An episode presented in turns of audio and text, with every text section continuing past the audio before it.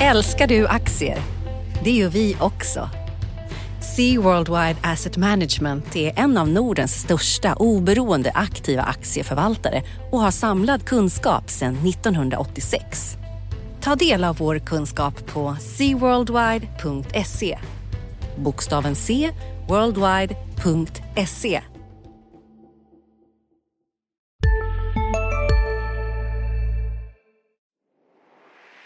På Dagens Industris konferens Retail på Sheraton i Stockholm den 11 april får du ta del av erfarenheter och tips från experter inom detaljhandeln. Lyssna till hur bland annat H&M Group, IKEA, Elgiganten, Clas Olsson och Coop möter framtidens kund i en digitaliserad värld. Var med och diskutera ämnen som nudging som konkurrensfördel, nyttan av att skapa valsituationer som knuffar kunden i rätt riktning, framtidens retail. Vad krävs för att vara förstahandsvalet för morgondagens kunder? Digital first. Så skapar du succé i varje kanal genom en homogen kundupplevelse. Välkommen till DI Konferens Retail den 11 april. Boka nu och säkra din plats på di.se konferens. Analyspodden från Dagens Industri. Hej och välkommen till Analyspodden.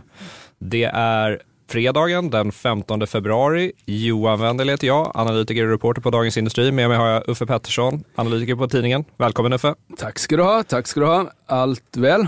Absolut. Börsen är upp. Vi har ju studsat upp här från bottenträsken kring, eh, som rådde kring jul där i fjol. Och nu är vi väl upp dryga 20 procent här från botten tror jag, så nu är det bulltrend. Ja, ja, det är det och vi är väl upp 10 sen, sen årsskiftet och den här lilla oron vi såg i, i förra veckan är som bortblåst den här veckan tycker jag. Utan det är till och med den här eh, att de kanske ska stänga, stänga eh, USA igen verkar inte göra särskilt mycket på marknaden utan det är ser ut att liksom stänga på plus även på fredag även om det inte är någon särskilt stor uppgång.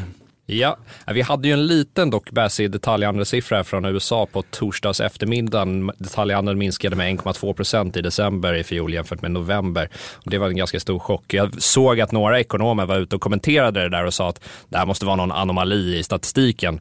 Eh, så vi får väl se om det, men det sänkte börserna lite. Men på Stockholmsbörsen här idag så har vi en hel del rapporter, eller hur Uffe? Yes. Eh inte den mest rapportfyllda dagen, men ändå så det räcker till att bli över. Vi, det är väl tre bolag som har varit liksom grejen här på morgonen, tycker jag då. Eh, det har kommit en hel del annat också, men Saabs rapport eh, var ju intressant. Fingerprint var också intressant på sitt sätt och sen så kom ju då Nibe som fortsätter leverera eh, väldigt bra siffror. Eh, så det, Saab är ju en av dagens börsvinnare och det tycker jag är begripligt. Eh, eh de har ju haft eh, Aktien har gått svagt sedan den här överraskande nyemissionen på 6 miljarder i höstas. Ehm, eh, de har en orderstock som är på över 100 miljarder, så det är inte mycket att klaga på, men de har ju haft problem att göra om orderstocken och försäljningen till vinster. Men nu lyckades de faktiskt hyfsat det här sista kvartalet, gjorde en vinst på 1,4 miljarder och Håkan Buske som är vd på Saab var ganska optimistisk kring marginalen även eh, 19 här. De har ju ett besparingsprogram som pågår och eh, har fått in ganska mycket sådana mindre ordrar. För det är ju som så att de här jätteordrarna till, eh, till eh, skolflygplanen i USA och, och, och, och Brasil, mm, Gripen till Brasilien och sådär. Det är jättemycket pengar men, men det blir ju inte särskilt mycket vinster utan det som är högmarginalbusinessen är de här mindre affärerna och de har fått in en del sånt där så man kan nog vara ganska optimistisk om, om 19 eh, även om historiken inte är den bästa eh, för Saabs del. Ja, vi får hoppas de har gripit det här tillfället nu. Nej, jag ber om ursäkt för det. Ja, men det var väl okej okay, tycker jag. Den behöver, vi inte, den behöver vi inte radera ut från bandet, utan den får vi behålla. Nej, men så är det ju. Men sen så som sagt var, Ja, nej men det, det, ska bli intressant att följa de här 19 och dessutom har de ju massvis av, av liksom offerter ute på nya Gripen-order. Så det där kommer ju påverka aktien huruvida de får in Kanada eller Finland eller något sånt där. Schweiz är väl kanske på gång igen. Ja, och sen har vi den eh, småländska mirakelmannen Gert-Erik Lindqvist med Nibe eh, i spetsen här. de har kommit på morgonkvisten och det var som vanligt väl rätt bra. Ja, eh, den var bra. Den brukar, rapporterna brukar liksom bli lite bättre än väntat och det var den här också. Det är en tillväxt på väl över 20, 20 procent under kvartalet vad det gäller vinst och på helåret så är det runt 20 procent och det är precis de mål de har. De har väl nästan börsens mest ambitiösa långsiktiga vinstmål att öka vinsten med, eh, fördubbla vinsten var femte år och då betyder det eh, strax under 20 procent i vinst, vinst, vinstökning och det är ju att hålla det år från år och, och, och fördubbla vinsten så som de har gjort är ju helt enormt nu. Eh, och nu blir det ju det blir svårare för varje gång. Nu ska de alltså då på 4-5 års tid här öka omsättningen från, 40, eh, från 20 till 40 miljarder. Och eh, ehm, ja, lyckas de med det så ska aktien fortsätta upp även om den är ganska högt värderad med ett P tal på 25, ungefär 26. Ja, det där har ju gett en fantastisk totalavkastning ja, sen de noterades. De, de har, och det är tre grejer som är liksom det fina med Nibe. Dels så är det produkterna i sig, då, de här eh, värmeteknik och att det, liksom är, att det ersätter eh, fossila bränsle vad det gäller uppvärmning och liksom miljö, det är miljö, miljöfokus. Och sen är det att de har gjort mycket förvärv och i stort sett alltid lyckats med sina förvärv plus en organisk tillväxt och då gör det att marknaden prissätter ganska högt. Det är sånt här ofta när man, ja, de har varit på börsen sedan 97 och jag tror jag har tittat på, jag har inte läst alla rapporterna men många av dem, eh, vad det kan bli, eh, 80-90 kvartalsrapporter eh, och eh, den har alltid ansetts lite dyr, men trots det så är den ju, den som köpte 97 har gjort en fantastisk affär. Det är börsens bästa bolag under den här perioden. Ja, det är bara att gratta eh, långsiktiga NIB-ägare till eh, utvecklingen som de har haft. Ja. Eh, sen har vi ju en, en, aktie som har gått lite sämre. Den har ju varit fantastisk, men den har ju fallit tillbaka de senaste åren och inte undgått någon. Och det jag pratar såklart om Fingerprint Card som också rapporterade här på fredagsmorgonen. Vad säger du om den Uffe? De backar ju, lite, de backar ju en del på börsen nu. Ja, 5 procent, men det där är inte, det är faktiskt en ganska, tycker jag, en blygsam nedgång med tanke på hur rapporten var, framförallt hur, hur bolag, aktier aktien har gått inför rapporten. Alltså, du har ju rätt i att aktien har havererat, eh, men 2019 är ju ett riktigt succéår. Den var upp 65-70 procent innan dagens rapport och sen faller den 5 procent. Jag tycker att det är en ganska eh, försiktig nedgång i aktien, alltså sett till till resultatet som var lite av en chock kan man väl nästan säga. Alltså, omsättningen landade på drygt 420 miljoner, ungefär samma, samma resultat som tredje kvartalet. Alltså omsättningen. Eh, men vad det gäller resultatet så backade det från 7 miljoner Q3 ner till minus 25. Så de tappade alltså 35, 32, 34 miljoner på, på en oförändrad omsättning och då är det ju prispressen som gör det. Och jag trodde att marknaden skulle liksom eh, eh, sänka aktien mer än vad den har gjort här. Men uppenbarligen så, så finns det många som, som ser eh, Fingerprint eh, framtid som ljus här. Och det, det kan, det beror på lite vilka glasögon man har här men de är ju inne i många projekt kring sådana här eh, biometri, betalkort då, eh, eh, som säkert kommer komma med kraft här. Och eh, men man har ju liksom prisat in att Fingerprint kommer vara med där på riktigt eftersom bolaget värderas till fyra gånger omsättningen och sådär. Och det är inte så många bolag som gör det. Och det har ju späckats tidigare av att det ska vara en industriell köpare av, eh, som finns där ute för Fingerprint. Men vi får väl se vad som händer. Ja, det har inte dykt upp någon och jag menar nu har priset gått upp 70 procent här så det är inte säkert att, och det, bolaget är ändå liksom värt 5 miljarder så det är inte, liksom, det är inte bara att liksom kasta upp hur som helst från någon av de här spelarna. Det är ändå liksom en, ska man en budpremie så är det 7-8 miljarder och det är ganska mycket pengar.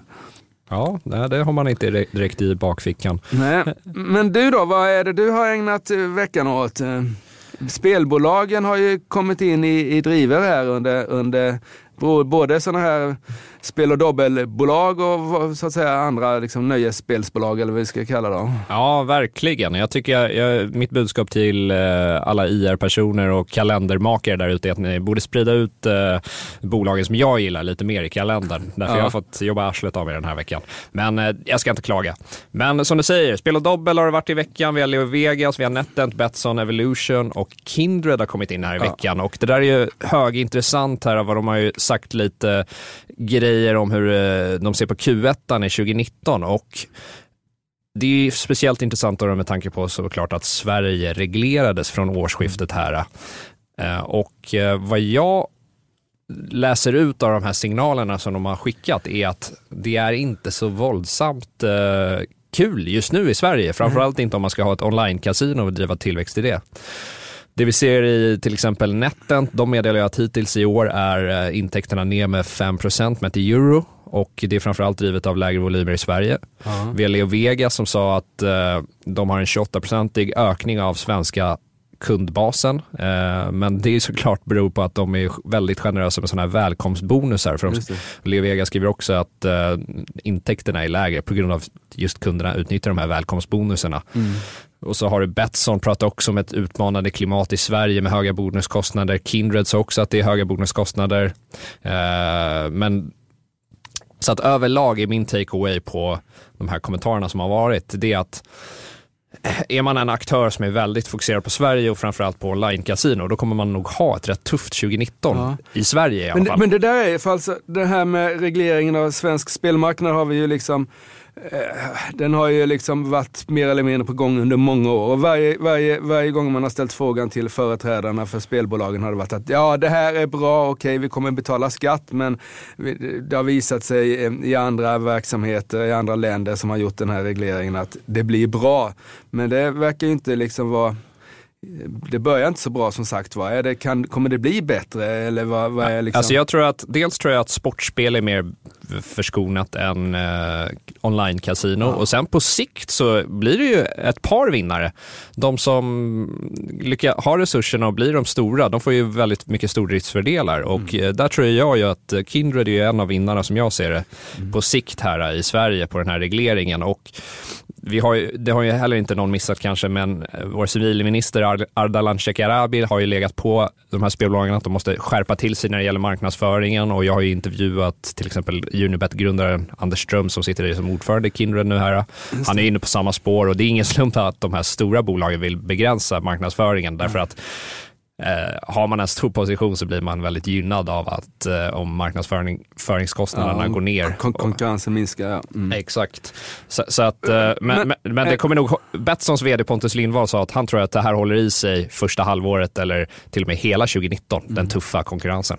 Och vad, finns det någon av de där, eh, vad var det, fem bolag här i veckan, finns det någon som är mer intressant än någon annan och någon som är mindre intressant än Ja, nu, nu, glömde jag också Kambi här givetvis som tuffar på, men de är ju framförallt fokuserade på USA, även om de har en, eh, nu öppnar de ju en stor retailverksamhet här med ATG i Sverige. Men eh, det jag tycker är imponerande är ju Evolution Gaming här, live-casinobolaget som håller konkurrenterna på avstånd. De mm. investerar tungt i nya eh, bord, men de håller också marginalen uppe här. Det var ju det som var... Det var 44-46 procents ebitda-marginal räknar de eller vad var det? Jag tror det var något sånt. Ja, helåret här så landade rörelsemarginalen på 36,5 5 procent, ja, så det är en minskning med en procentenhet ja. från för, fjol. Men, eh, och ebitda-marginalen sjönk med ungefär lika mycket. Ja. Men eh, det som många har varit rädda för det är att de investerar tungt och det sänker ju lönsamheten såklart. Mm. Men sen också att till exempel då Netent ska prisa sig in på den här marknaden. Men som jag rapporterade i veckan så, här, så har Netent verkar ha problem med sin live-casino-satsning för de har ju bytt live-casino-chef nu igen mm. efter att den förra chefen varade sju månader på sin post. Hur kan det vara så krångligt att göra live-casino? Det är väl bara att anställa folk och sen så ha roulettbord och en kamera eller är det mer avancerat än så? Bra fråga, men Netent verkar ha väldigt svårt. Men mm. Netent tog en lite annorlunda approach till live-casino nu med det senaste omtaget. Då sa man att vi ska köra live beyond live. Man försökte göra det lite... Evolution satsar ju mycket på att det ska vara väldigt realistiskt och mm. väldigt, ja, ser väldigt bra ut. Medan eh, Netent då sa att men vi ska göra det lite mer lekfullt, att man kan vara på olika platser och sådana här. Det ska inte vara fokus på realism.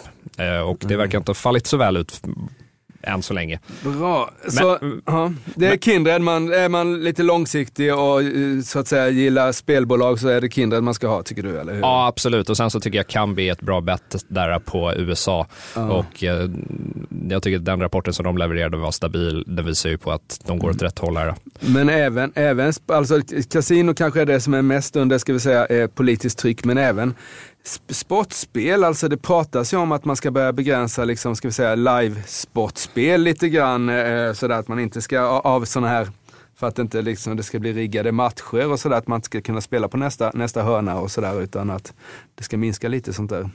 Ja, och vi, vi, får väl se där vad som händer. Men som sagt, jag tror att ändå Kindred är en av...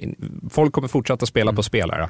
Och de har eh, an, andra marknader de kan växa i, framförallt i USA. Även om det kommer lite oroande tecken från Holland där, men, med regleringen där. Men vdn var ju, Henrik Tjärnström var ju väldigt eh, förvissad om att de skulle få vara kvar i Holland där. Mm. Efter Holland får en ny reglering. Men jag tänkte vi skulle snacka lite om välfärdsbolagen också, för på, här på fredagsmorgon så kom ju beskedet att Öresund, investmentbolaget, har sålt sitt innehav i Internationella Engelska Skolan.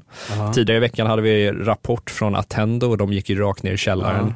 Humana hade vi också som rapporterade väl i veckan. Vad är, vad är din take på välfärdsbolagen här? Ja, men det, det är ganska intressant alltså. Det som man har liksom eh, sagt och vilket stämmer också, det är att det är väldigt stabila verksamheter oavsett om du håller på med skolor eller, eller, eller vård och äldrevård framförallt här eh, sen Capio försvann. Eh, så är det väldigt stabila verksamheten men likväl så är det ganska stökigt och rörigt bland bolagen. Och tittar man om vi börjar med, med dagens nyhet Öresund som lämnar Engelska skolan som Öresund har varit ägare i hela tiden sedan Engelska skolan kom in på börsen. Öresund var en av ankarinvesterarna där. Och nu säljer man då på en låg nivå, alltså Engelska skolan är ju nere under 60 spänn, eh, har tappat 20 procent här senaste, i, i, sedan årsskiftet så är ju det lite intressant. Eh, Academedia däremot har ju stigit 20% i år. Så det är liksom, man tycker att de här bolagen borde följa varandra eftersom det liksom är samma bransch och stabila branscher. Likväl så går de liksom tvärs emot varandra nu, Engelska skolan och Academedia. Och det tror jag göra med att Akademi, eller, eh, eh, eh, Engelska skolan framförallt har då stök. De bytte vd en andra gång här när hon, eh, eh Rampe, blev kickad på dagen i stort sett. Eh, och sen så nu lämnar Öresund där. Så det är lite osäkerhet vad som, vad som är på gång att hända i Engelska skolan. Jag, jag brukar rekommendera Engelska skolan före Academedia för de har ett starkare varumärke och liksom eh, lite mer så att eh, säga stringent affärs, affärsupplägg då med grundskolor och sånt där. Men, eh, men Academedia verkar, verkar vara det som är mest poppis på börsen nu och det, ska man köpa Academedia så Dels är den lite lägre värderad men så har de ju den här tyska förskolan som kan bli riktigt stor. Alltså där har vi ju en, den svenska förskolan är ju liksom högt eh, ansedd internationellt och nu håller då Academedia på att exportera den där ut i, ut i, i Europa och det där kan bli bra. Men eh, ja, det är lite stökigt i Öresund, det är lite osäkert vad som händer där. Eh, vd slutas,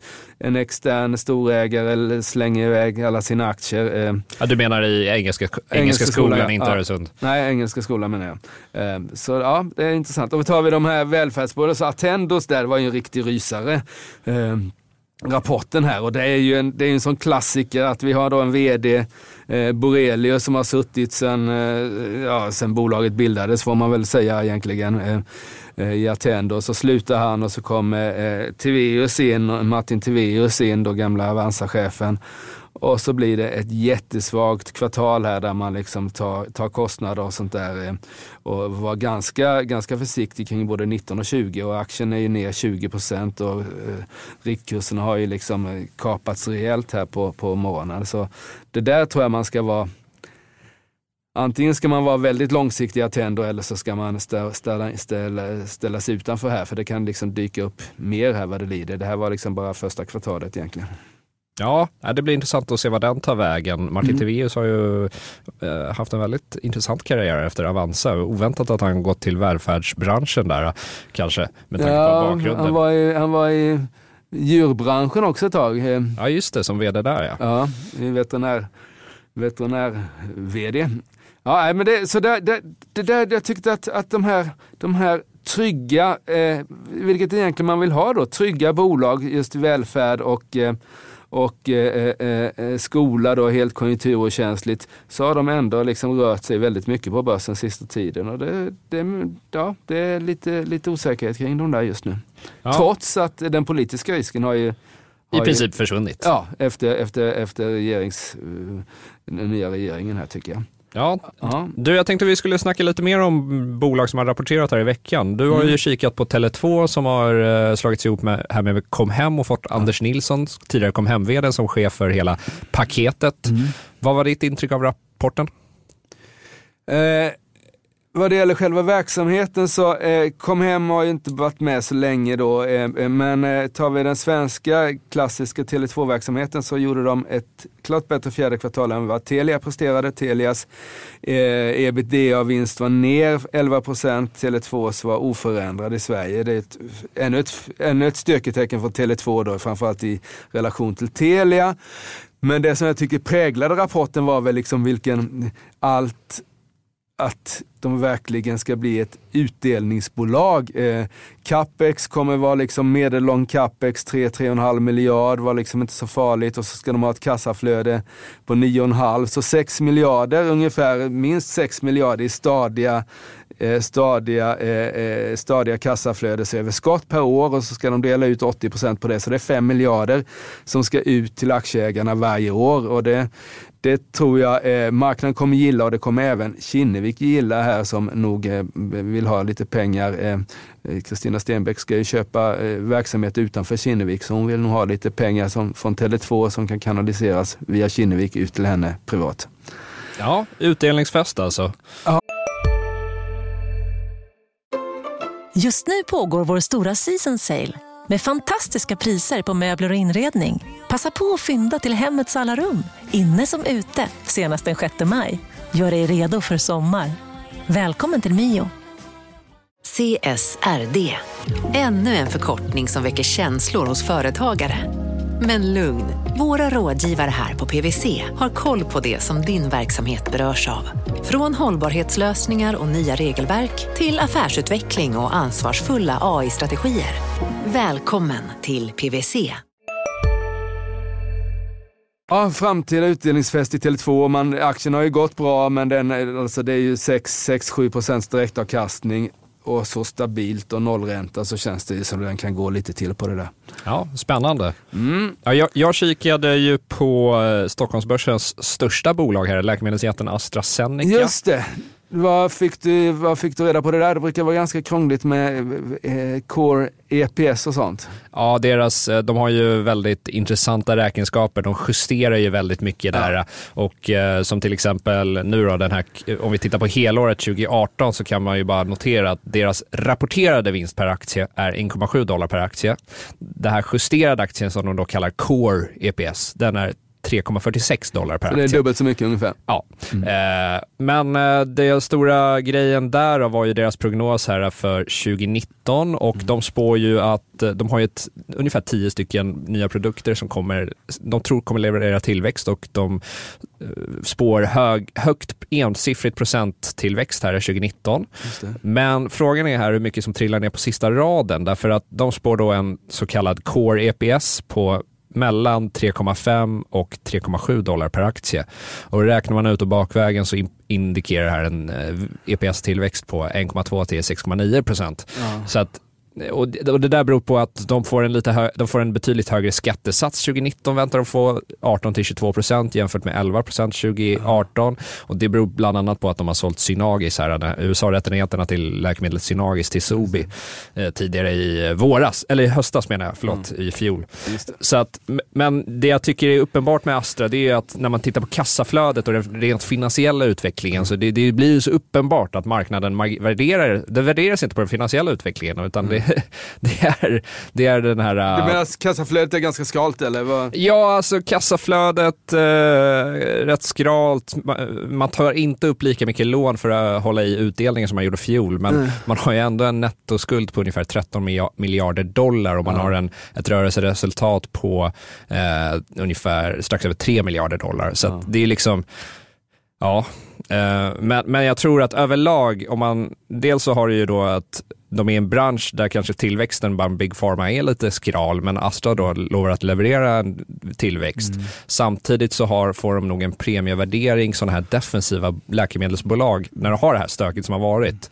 Då är det rimligt att de har en premie, premievärdering kanske. Ja. Men, men, men, det är väldigt märkligt när man tittar på då Astra och man kollar rapporterad EPS och core EPS. Och det är liksom, antingen är det P45 eller så är det P22. Ja. Och marknaden de flesta på marknaden sätter ju P22 eftersom den har gått så bra som den har gjort. Men jag håller med dig och det där är ju ett problem som de alltid haft. Jag undrar när det ska, liksom, när det ska rättas till det här, det här skillnaden mellan Core EPS och vanlig EPS. Det som jag tror att marknaden gillar kring AstraZeneca är ju eh, Eh, inte minst cancerdelen där de har liksom eh, många, många projekt på gång här och det är ju en intressant intressant verksamhet då. Men jag håller med dig, alltså, jag har alltid tyckt den har varit lite dyr men, men, eh, men eh, ja. Ja och just eh, onkologi där och cancerdelen den växte ju med 50% 2018 så det är som du säger, den gillar det är ju den, folk. Det är, den, det är den och det är klart att i en, i en Maslows behovspyramid så är väl liksom ett fungerande cancermedel ligger väl liksom högt upp. Det får man nog lov att säga. Men du, apropå Maslows behovspyramid här, vad, vad placerar vi Swedish Match syn?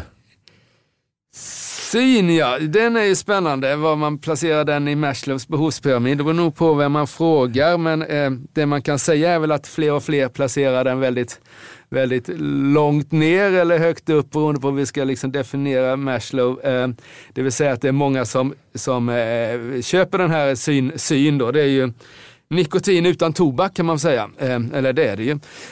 Och eh, eh, det var nästan en fördubblad försäljning under 18 och de ska nu eh, öka produktionen så de ska tillverka 120 miljoner doser syn så småningom. Och jämför man med, med det då, sätter man det i relation till någonting så är det ett halvt, ungefär hälften av vad de producerar snus i, i, i, i Skandinavien nu, eller säljer snus för i Skandinavien. Så lyckas de sälja alla dessa 120 miljoner syndoser så kommer det ju har fantastisk effekt på vinsten. Eh, så jag tyckte det var en bra rapport. Eh, eh, framförallt jämfört med kursutvecklingen som den havererade ju här under hösten, föll 35 procent på på eh, cigarr, eh, eventuellt cigarr, smaksatta, förbud för smaksatta cigarrer. Och det, det där ligger tre, tre år bort i, i, i värsta fall för Swedish Match. Och jag förstod inte riktigt den där nedgången men däremot så förstår jag uppgången nu med, med syn här. Så är det en, absolut en intressant aktie och de återköper ju aktier också. Så det är ju mycket av deras vinsttillväxt beror ju på att de återköper aktier. Ja, man, man, får väl säga att de är en av Stockholmsbörsens mest aktieägarvänliga bolag. Ja, ja, absolut. De har väldigt högt fokus på levererade aktieägarvärde. Ja, det är de. Så jag tycker det var en bra rapport och det är ju väldigt spännande med det här syn. Som man får ju se när konkurrenterna börjar komma då, men det är ju en, en alltså 120 miljoner syndoser. Det, är, det skulle innebära att eh, Swedish Match liksom, ja, det kommer utgöra en fjärdedel av Swedish Match eller något sånt där så småningom. Och det är en ny marknad och den är inte mindre lönsam än vanliga, vanliga snusar. Så, så, så det ser bra ut. Ja, där får man ge cred till deras forskningsavdelning, verkligen. Uh, och jag ju... Ja, eller marknadsföringsavdelningen, det beror på lite. Så. beror på vem man frågar. Det, inte, det, det, kan vara så att marknadsföringen är viktigare, men det visst, det finns nog forskning bakom det också. Mm. Uh, jag har ju kikat lite på avknipp, eller ja, avknoppningar, Vioneer. Ja, vad är det? Det där skulle ju bli liksom framtiden, men det känns inte som det var eh, svaga utsikter för 19 eller hur var det? Ja, de torskar, till att börja med torskar de ju drygt 800 miljoner kronor här fjärde kvartalet och eh, fordonsproduktionen i Kina och Västeuropa är ju kraftigt försvagad här och eh, bolaget säger att den här svaga trenden kommer att bestå under första halvåret 2019. Uh, och uh, det här gör ju att den organiska tillväxten väntas bli oförändrad eller något lägre jämfört med 2018. Mm. Och uh, så att och det här, den här Veoneer-kursen har ju gått ner kraftigt sen eh, avknoppningen här och eh, den här rapporten gav väl inte någon, eh, något ljus i sikte på det ännu. Nej, man skulle vilja veta lite eh, vad Christer Gardell tänker kring det här. Han är ju ändå största ägare i, i bolaget väl. Eh, eh, och sådär. Och uppdelningen, för den här uppdelningen började ju bra då mellan Autoliv och Veoneer och sen har ju Veoneer fullständigt havererat på börsen. Och det trodde man ju kanske att, att, liksom att, att den skulle liksom inte värderas på kvartalssiffror den här Veoneer eftersom det är ett framtidsföretag men det, likväl så gör det ju det. Ja, börsen har en eh, förmåga att eh, titta på kvartalssiffror och värdera ja, därefter. Man, det är väl rimligt tycker jag. Jo det är det, men eh, jag menar det är väl inte, alltså Veoneer det är väl liksom om fem, sju år de ska liksom verkligen liksom gå bra då med, eller med liksom den här aktiva säkerheten kommer. Ja, vi får se vad Veoneer tar vägen här framöver. Mm. Du har ju du har ju lite koll på ett annat bolag som inte har det så kul just nu, men som sysslar med en ganska annorlunda verksamhet, Oriflame. Just det. Ja, det där var också en de kom ju alltså med en, med en vinstvarning som sänkte dem, sänkte dem var det 10% på vinstvarning och sen så föll de 10% till. Det var nu lite utdelning på ett par procent där, men det var nästan 10% ner på börskursen också vill jag minnas på rapporten. De kom med rapport i, i veckan här? Ja, torsdags var det. Ja, igår torsdag var det. Ja, och där är ju det som sänkte aktien där var ju um, alltså i januari och halva februari så, så är den organiska omsättningen ner 7 procent.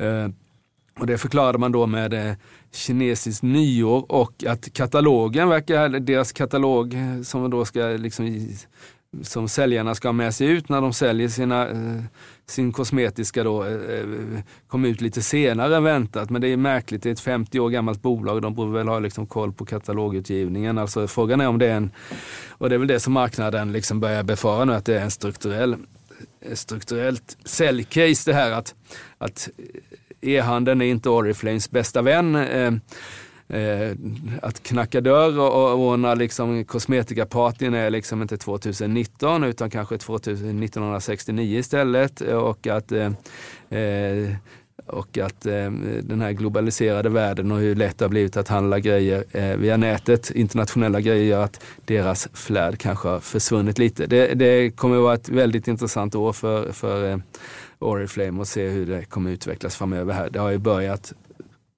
2019 har börjat riktigt risigt. Ja, eh, spontant så som du säger, kataloger känns inte 2019, men vi, vi får se. Du, eh, konjunkturoro finns det ju gott om i världen. Boliden Trelle är lite konjunkturkänsliga. Någonting att säga där? Trelle, ja, ja. Trelleborg menar jag då. Trelleborg, ja, nej men det är ju, det är ju, eh, de kom ju in lägre än väntat. Eh, gjorde de och det är klart att de märker ju av, av det här, det som vi har sett även i, i, eh, i eh, konjunkturstatistiken. Att de gör. Och vad det gäller Boliden så, så tror jag att, att marknaden hade hoppats lite mer på en extrautdelning. Där nu är de ju inne i ett investeringsprogram så man kanske förstår att de håller igen lite. Nej men det är, det är klart att det är två bolag som kommer ha väldigt mycket kursutvecklingen där kommer ha mycket betydelse för vad Trump och Kina så småningom kommer fram till här. Det är det ju snart, alltså den här deadlinen som fortfarande gäller, även om man börjar höra rykten om att den ska liksom förlängas nu, mm, nämligen i slutet av februari, att eh, Kina och USA ska komma, i, eh, komma överens. Det är ju bara eh, ett par veckor bort nu, så det börjar närma sig. Men ja, det är spännande. Annars tycker jag att, och det var ju intressant, men det som kanske var veckans händelse egentligen, om vi ska liksom bara dra det, så var det ju Kinneviks eh, inhopp, eh, låter lite sådär litet, men investering i Mathem, att de köper 40% av Mathem är ju väldigt intressant. Jag vet inte, vad tycker du om? Ja, de blir ju samägare där med Clas Olsson som äger drygt 10 ja. av Mathem, så det där blir intressant att se. Det jag noterar med Kinnevik här, och som en smart person sa till mig här, att eh, och jag diskuterade det här med det digital skribent Jonas Leijonhufvud som skrev en kommentar om den här affären. Det är att Kinnevik är ju de, de investerar ju mycket framtidsbolag som sysslar med e-handel och så här. Eh, men det är ganska generellt sett så är Kinnevik inne i lågmarginal business. Man är inte inne i någon mjuk, direkt mjukvarutungt som ger någon hög brutto eller rörelsemarginal här. Utan det är Zalando, det är, det är liksom ja. låga ensiffriga rörelsemarginaler. Ja, det, är ju, det, det stämmer ju och det är ju för att de satsar på, de har ju alltid satsat på konsumentprodukter så att säga. De har inte haft någon riktig business to business produkt sen, ja det var väl liksom i skogen förr i tiden. Men, men eh, men, eh, och det är det ju, utan det är ett konsumentbolag. Tar man deras historik så är det ju, åtminstone sen Jan Stenbeck tog över då på 80-talet, så är det ju eh, media och, och, och, och, telefoni och sånt där. Och nu är det då mat. Och det är en intressant, en jätteintressant affär, det som jag tror att de vill åt, eller det vet jag att de vill åt, för jag pratade med, med, med vd Garner på Kinnevik igår. Det är ju att de vill åt eh, kunden helt enkelt. Alltså Mathem är enligt Garner, vad har han säkert rätt i, de som träffar sin kund mest av e-handlarna. Alltså man levererar mat varje vecka till folk. Och det är väl det som Clas Olsson också har sett, att kan man då putta in liksom lite andra produkter där, Clas Olssons batteri och någon glödlampa, så, så, så träffar du kunden så ofta. Och det är väl det som, som Kinnevik gillar med Mathem också. Men det är ju fortfarande ett förlustbolag eh, och eh, eh det är ju inte de får ju konkurrens också från eh, ICA och, och, och Axfood som inte, som inte ligger still på den här branschen. Så det ska bli jättespännande att se vad som händer där. Jag noterar att, att det finns ju liksom lite intressanta person relationer här. Om vi tar Mia Brunell som var VD på Kinnevik och hamnade hos eh, Axon Jonsson så, så är det Axfood och Axon Jonsson köpte också Mat.se här och nu är liksom hennes gamla arbetsgivare går in och börjar konkurrera här. Så det känns som Ax, familjen Axon Jonsson och familjen Stenbeck. Liksom. Och dessutom var det Dustin då, alltså Garno kom ju från Dustin som var ett Axel Jonsson-bolag en gång i tiden. Så det känns som att de, de, de träffas på olika arenor lite hela tiden eh, och det är ju spännande. Nej men det kommer, det, jag tror att för Clas Olssons del, om vi ska ta den delen av affären, så var ju det här superbra att få in Kinnevik som kan liksom finansiera det här. Och, eh, nu såg man ingen reaktion på Clas Ohlson-aktien riktigt, men den borde ha ökat lite grann med tanke på att värderingen på deras mathemsinnehav borde ha stigit efter den här affären. Ja, eh, och eh, framöver här blir det såklart intressant att se om det där lilla amerikanska bolaget Amazon gör debut i Sverige. Det kommer ju få eh, en stor påverkan på de här typer av bolag ja, naturligtvis. Ja. men alltså något som slår mig här är ju att Mathem, då gick Kinnevik in med 900 miljoner, hälften ungefär i, i, köpte de gamla aktier och sen hälften var nyemission. Eh, och de kan ju, med tanke på förlusterna Mathem gör så kan man väl räkna med att, de, att Kinnevik eh, förväntar sig behöva pynta in mer pengar där och då kan man ju undra var Kinnevik ska få de pengarna ifrån. Och där kan man ju tänka sig olika scenarier. Ehm, det här GFG har ju varit, eh, deras kläddel i Australien har ju varit till salu. Det är möjligt att det är på gång någon affär där. Man kan ju tänka sig att Millicom, som affären som blåstes av bara för någon vecka sedan eller två, kanske lever eh, eftersom Kinnevik redan nu investerar pengar. Ehm, så det där, jag tror att, jag tror att vi kommer nog få se en vår i Kinnevik som eh, blir väldigt intressant.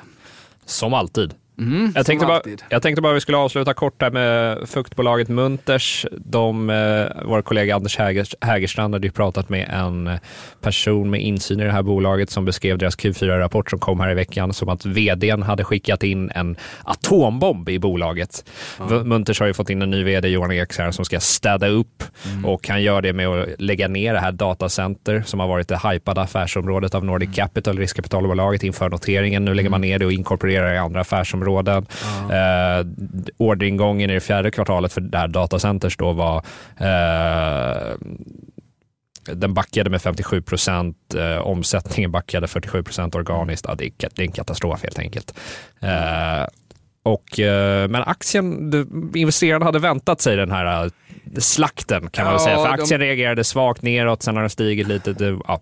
Den är tillbaka där den började veckan helt enkelt. Ja, så kan man säga. Och men, eh, drar du ut linjen och tittar lite bakåt så är det ju ett ett fullständigt haveri den där noteringen eh, har det visat sig. Och jag tror att, att de här åtgärderna är väl bra. Det är klart att det var ju en väldig hype kring datacenter. Eh, varenda norrländsk eh, kommun skulle ha sådana där Facebook-anläggningar och sånt där och det var ju liksom och det finns väl liksom en, det finns väl något intressant där borta men det kanske inte, eh, kanske inte ska leva sitt eget liv i Munters utan ska ingå just för att spara pengar. Så det, ja, nej jag vet inte, det är ju ett, det som man kan säga där är ju att man skulle kunna tänka sig att eh, Nordic Capital gör en CVC, det vill säga Nordic CVC, eh, det här stora riskkapitalbolaget, har ju då köpt ut Ahlsell. Affären är väl liksom, är ju klar men den är, bolaget finns fortfarande på börsen eh, någon vecka eller två till.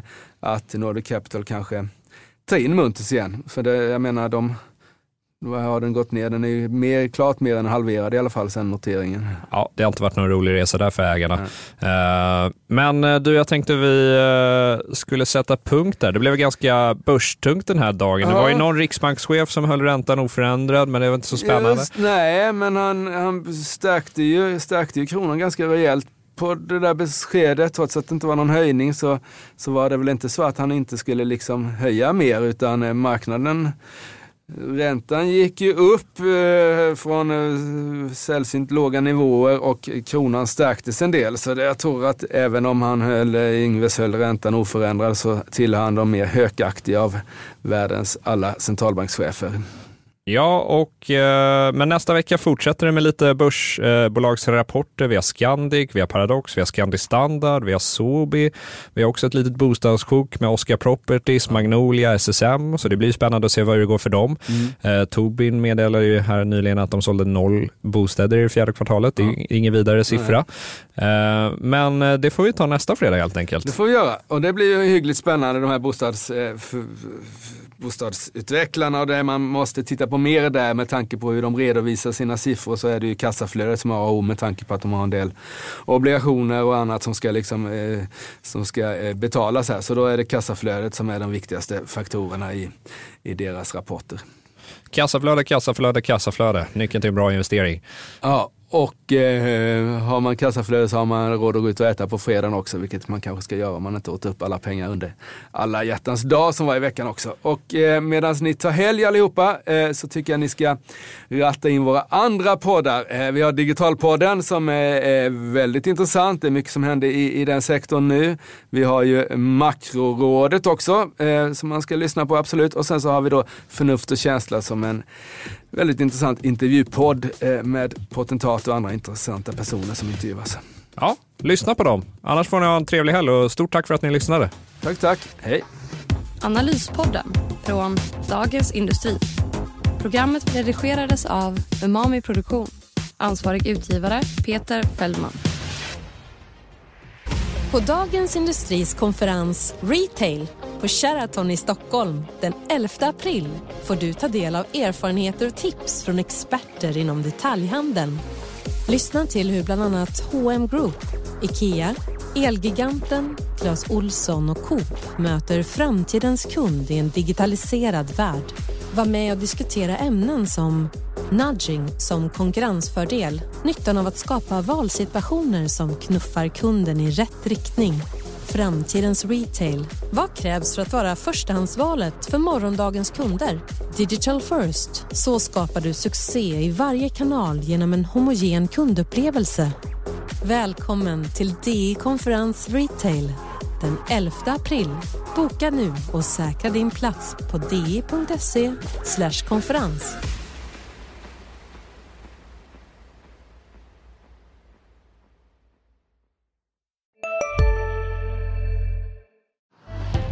Älskar du aktier? Det gör vi också. Sea Worldwide Asset Management är en av Nordens största oberoende aktiva aktieförvaltare och har samlad kunskap sedan 1986. Ta del av vår kunskap på seaworldwide.se. Bokstaven C, worldwide.se